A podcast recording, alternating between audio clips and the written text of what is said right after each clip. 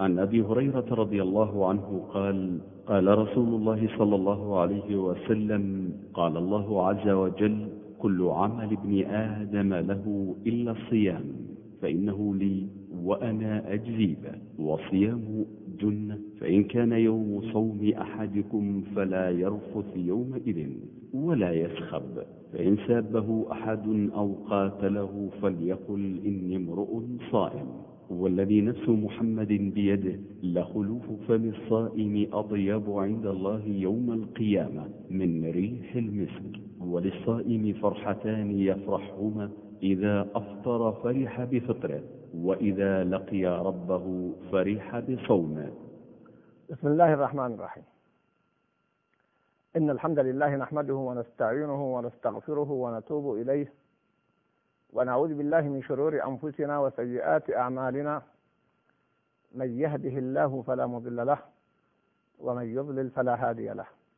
وأشهد أن لا إله إلا الله وحده لا شريك له وأشهد أن محمدا عبده ورسوله صلى الله عليه وعلى آله وصحبه وسلم تسليما كثيرا. أخوتي الكرام سلام الله عليكم ورحمته وبركاته. عشنا فيما مضى مع أحاديث كثيرة في الزكاة والصدقة. وها نحن نبدأ أيضا في هذه الحلقة مع بعض الأحاديث التي تتعلق بالصيام. مراعاة للمنهج الذي سلكناه في هذه الحلقات بالانتقاء من كل باب ما يناسبه أخذا من منهاج النبوة وإلا فيصعب أن نستغرق أو أن نحيط بكل باب. ولو فعلنا ذلك لما كفت الحلقات كلها في باب واحد. والله المستعان. هذا الحديث كما ترون حديث عظيم وهو حديث قدسي. حديث أبي هريرة عن النبي صلى الله عليه وسلم كما استمعتم إليه كل عمل ابن آدم له إلا الصيام فإنه لي وأنا أجزي به. الحديث. وقف العلماء عند معنى كل عمل ابن آدم له إلا الصيام فإنه لي وأنا أجزي به. ما المراد به؟ فتحدثوا في هذا ويرجع إلى مظانه وبخاصة في فتح الباري وفي شرح الإمام النووي. ففي فتح الباري نجد كلام ابن حجر الإمام رحمه الله ابن حجر. وكذلك في شرح الإمام النووي رحم الله الجميع سنجد كلاما وافيا جيدا يفي بالغرض ولكن يشير إلى ما يناسب الحالة والمقام. فيقول الإمام النووي رحمه الله من معانيه أنه لم يعبد أحد غير الله جل وعلا به فلم يعظم الكفار في عصر من الأعصار معبودا بالصيام. وإن كانوا يعظمونه بصورة الصلاة والسجود والصدقة والذكر وغير ذلك. الذين يعبدون الأصنام المشركون يعظمون آلهتهم بالصيام بالصلاة وبالصدقة وبالسجود وبالذكر. لكن لا يعرف أن أحدا من المشركين عظم إلهه بالصيام. فقالوا هذا من أهم المعاني التي وردت فيها. وقيل إن المعنى أنه لأن الصوم بعيد عن الرياء. إلا الصيام إلا من نطق به كيف؟ أن يستطيع الإنسان أن يصوم ولا يعلم به أحد. فهو من أبعد الأعمال عن الرياء. بل إن فيه معنى آخر ذكره بعض طلاب العلم. يقول كثير من أحكام الإسلام قد تؤدى إجبارا. وقد تؤدى الصلاة إجبارا. يؤخذ الإنسان ويجبر على الصلاة.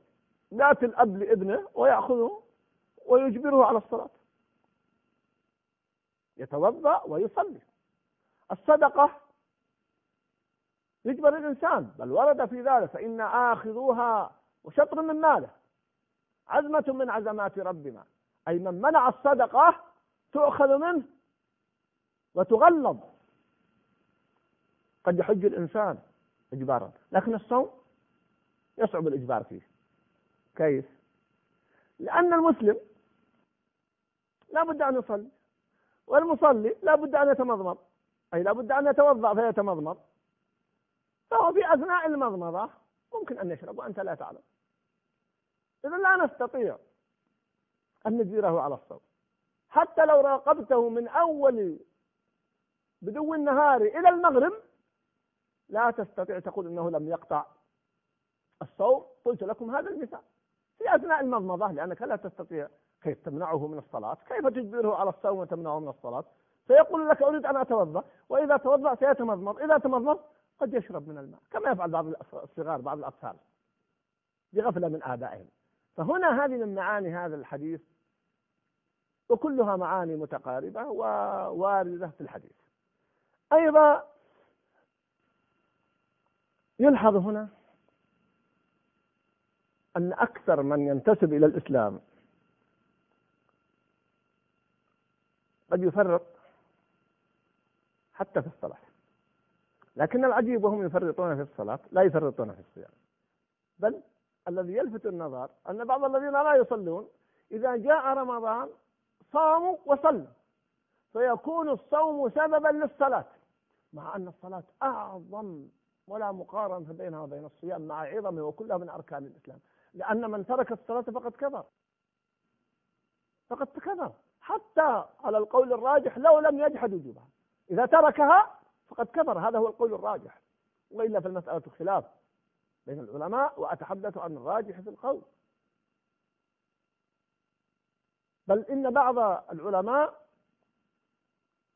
بل بعض كبار العلماء قال من ترك فرضا واحدا من فروض الصلاة طائعا مختارا عالما ذاكرا حتى خرج وقتها بدون عذر فقد كفر وقت أحد. الأمر عظيم في موضوع الصلاة. وإن كنت أقول إن الراجح أنه من تركها بالكلية حتى لو لم يجحد وجوبها هكذا جاءت النصوص وها قول قوي قال به شيخ الإسلام وغيره من المتقدمين والمتأخرين. ومع ذلك تجد بعض الناس يواظب على الصيام ولا يواظب على الصلاة. ففيه سر معين. وهنا نجد في هذا الحديث الارتباط قوة الارتباط بين الصيام وبين الأخلاق. ولذلك جاء في هذا الحديث كما فإذا كان يوم صوم أحدكم فلا يرفث يومئذ ولا يسخب فإن سابه أحد أو قاتله فليقل إني امرؤ صائم ونجد مصداق ذلك ووضوحه بسر النبوي. بعض الناس إذا كان صائما ثم لاحاه إنسان ثم قال له الصائم إنني صائم. سبحان الله سبحان الله كأنه أعطاه كلمة هدأت من رواه لو جاء إنسان ورفع صوته على إنسان وسابه وشتمه ثم قال يا أخي الكريم اتق الله أنا صائم. أي لا أريد أن أرد عليك. سبحان الله. تحدث معنى دقيقا عجيبا في النفس وبخاصة إذا كان فعلا صائم. ولذلك هنا قال النبي صلى الله عليه وسلم فليقل إني امرؤ صائم.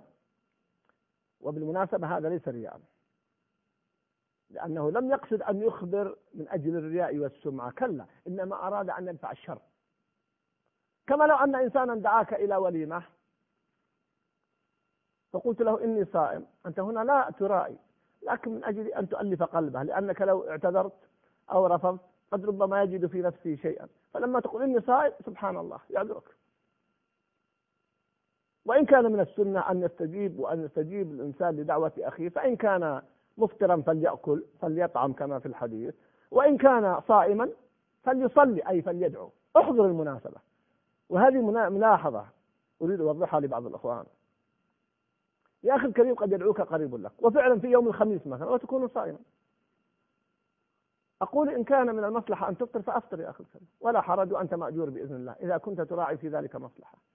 وقد أفطر النبي صلى الله عليه وسلم لما وجد في بيته طعاما وقال إني أصبحت صائما. طبعا هذا نتكلم عن صيام النفس لكن لنفرض أنك لم تفطر ولا تريد أن تفطر. احضر المناسبة يا أخي الكريم. ليست حضور المناسبات من أجل الأكل. الذي يدعوك خاصة اليوم الحمد لله كثير من الناس في خير ونعمة وعافية. هل يدعوك من أجل أن تأكل فتقول لا أنا صائم لا أحضر. احضر يا أخي الكريم. واحضر مع الناس واجلس مع الناس.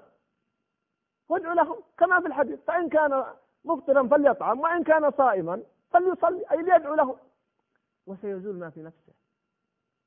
بل إنني أعرف بعض الأخيار والطيبين يكون صائما ويحضر في المجلس فإذا قال تفضلوا جلس معهم على المائدة ولا يأكل. يتحدث معهم يقدم بشيء من الطعام لهذا وذاك حتى إن بعض الناس لا يعلمون هل هو صائم أو لا. هذه معاني نحتاج إليها في أسلوب التآلف بين الناس وتأليف القلوب. إخوة الكرام فيما بقي أحاول أن أقف وقفات سريعة في موضوع مهم. لماذا التباين في أخلاق الناس وبين عملهم؟ جاءت الصلاة إن الصلاة تنهى عن الفحشاء والمنكر ارتباط وثيق بين الصلاة وبين ترك الفحشاء والمنكر.